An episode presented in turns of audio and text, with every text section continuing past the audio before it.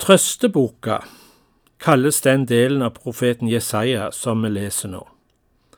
Og det er ikke bare innledningsordene, nemlig Trøst, trøst mitt folk i kapittel 40, som har gitt denne boka navn. Men gang på gang kan vi lese trøstens og oppmuntringens ord til et folk som sitter i fangenskap i et fremmed land. Snart skal dere bli fri, snart skal dere få vende tilbake til Jerusalem, vær ikke redd, Gud har kontrollen. Og i disse gode løfter som lød til Guds folk da, slik kan vi òg høre de inn i vår tid, og vi skal få ta imot de som ord til oss. Det redskap som Gud vil bruke til å gjennomføre sine planer for Israel, er perserkongen Kyros. Han blir introdusert for oss ved navns nevnelse i slutten av kapittel 44. Nå får vi videre høre profetier som forteller om hvordan Gud vil bruke verdensfyrsten til å utfri israelittene og føre dem tilbake gjennom ørkenen og å gjenoppbygge Jerusalem. Disse ord om Kyros er et vitnesbyrd om hvordan Gud kan gi en fyrste makt og nytte han til å utføre sin vilje på jord. Kyros blir kalt for den salvede, og det viser at det er Gud som har gitt han utrustning, kraft og makt, selv om han ikke kjenner Gud og tilber Han. Hvordan er så dette et budskap til oss? Jo, enhver som har Gud med seg, vil få erfare det samme som Kyros. Den som vandrer med Gud, vil erfare at Herren går foran han. Han sprenger stengte dører og gir han skjulte skatter. Og til slutt vil den troende oppleve ei ny og rik tid med velsignelse, rettferdighet og frelse. Vi leser Jesaja kapittel 45, vers 1-8. Så sier Herren til den han har salvet, til Kyros, som jeg har grepet i høyre hånd for å tvinge folkeslag under ham og løse kongenes belter, for å åpne dører for ham, og ingen port skal være stengt. Jeg vil gå foran deg, fjell vil jeg jevne ut, Bronsedører vil jeg knuse, og jernbommer vil jeg hugge i stykker. Jeg gir deg skatter som er skjult i mørket, og rikdommer gjemt på hemmelige steder, for at du skal kjenne at jeg er Herren som kaller deg ved navn, Israels Gud. For min tjener Jakobs skyld, for Israel min utvalgte, kaller jeg deg ved navn. Jeg gir deg hedersnavn, enda du ikke kjenner meg. Jeg er Herren, ingen annen. Det finnes ingen annen Gud enn jeg. Jeg spenner beltet om livet på deg, enda du ikke kjenner meg, for at de skal kjenne i øst og vest at det ikke er noen annen enn jeg. Jeg er Herren, ingen annen. Jeg former lys og skaper mørke. Jeg stifter fred og skaper ulykke. Jeg, Herren, gjør alt dette. La det dryppe ovenfra, du himmel. Rettferd skal strømme fra skyene. Jorden skal åpne seg, gi frelse som frukt, og la rettferdighet spire. Jeg, Herren, skaper dette. Nå kommer et budskap til de som anklager Gud for å bruke Kyros som sitt redskap, de som setter seg opp imot Guds plan og vilje. En må huske på at mennesket står i samme forhold til Gud som leira har til pottemakeren. Gud har frihet til å gjøre det han vil. Han ser framover og forsikrer igjen at det er den utvalgte Kyros som skal bygge Jerusalem og føre folket hjem fra eksil.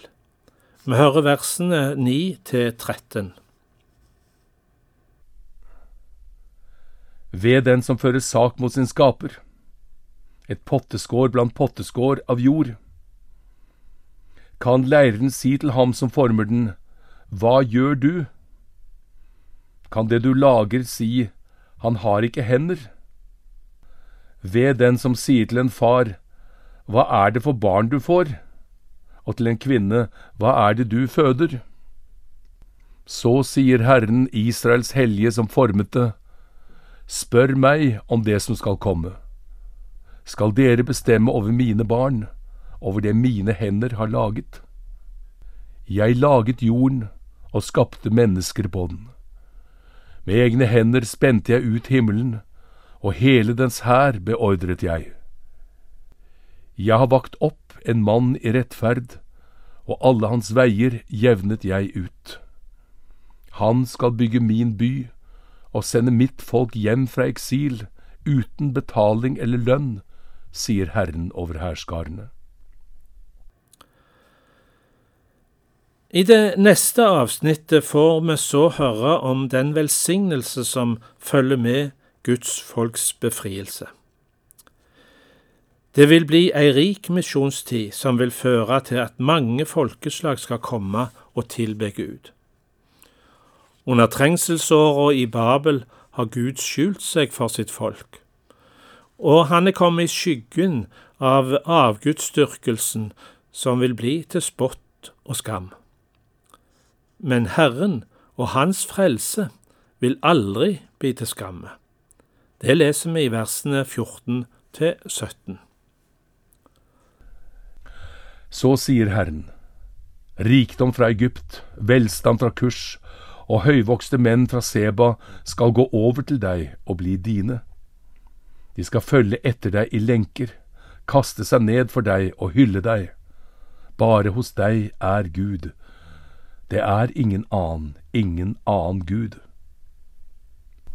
Sannelig, du er en Gud som skjuler seg, Israels Gud og frelser. Til skamme og til spott blir alle håndverkere som lager gudebilder. Sammen går de bort med vanære. Men Israel blir frelst ved Herren med en evig frelse.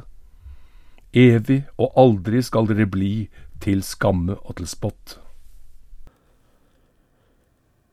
Så får vi igjen en presentasjon av Gud og hans evige frelsesplan for hele sin skapning. Dette står igjen i sterk kontrast til avgudenes avmakt og passivitet. En dag skal alle bøye kne for han.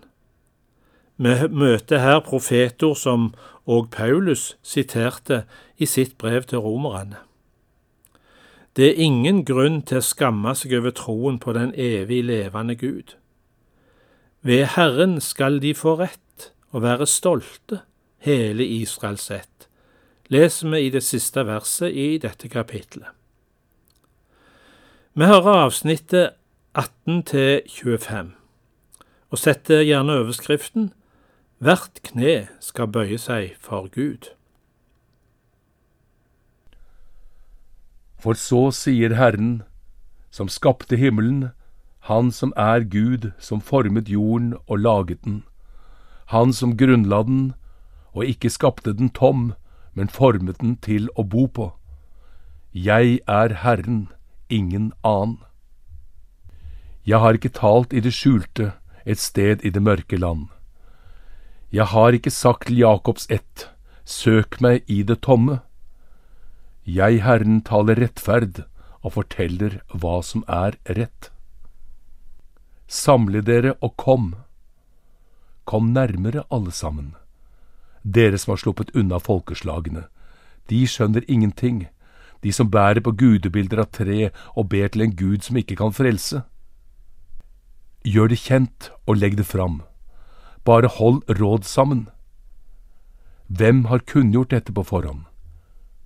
Hvem har fortalt det fra før? Er det ikke jeg, Herren? Det finnes ingen annen Gud enn jeg ingen annen rettferdig og frelsende Gud. Vend dere til meg og bli frelst, alle jordens ender, for jeg er Gud og ingen annen. Ved meg selv har jeg sverget, rettferdighet har gått ut fra min munn, et ord som ikke vender tilbake. For meg skal hvert kne bøye seg, hver tunge skal sverge ved meg.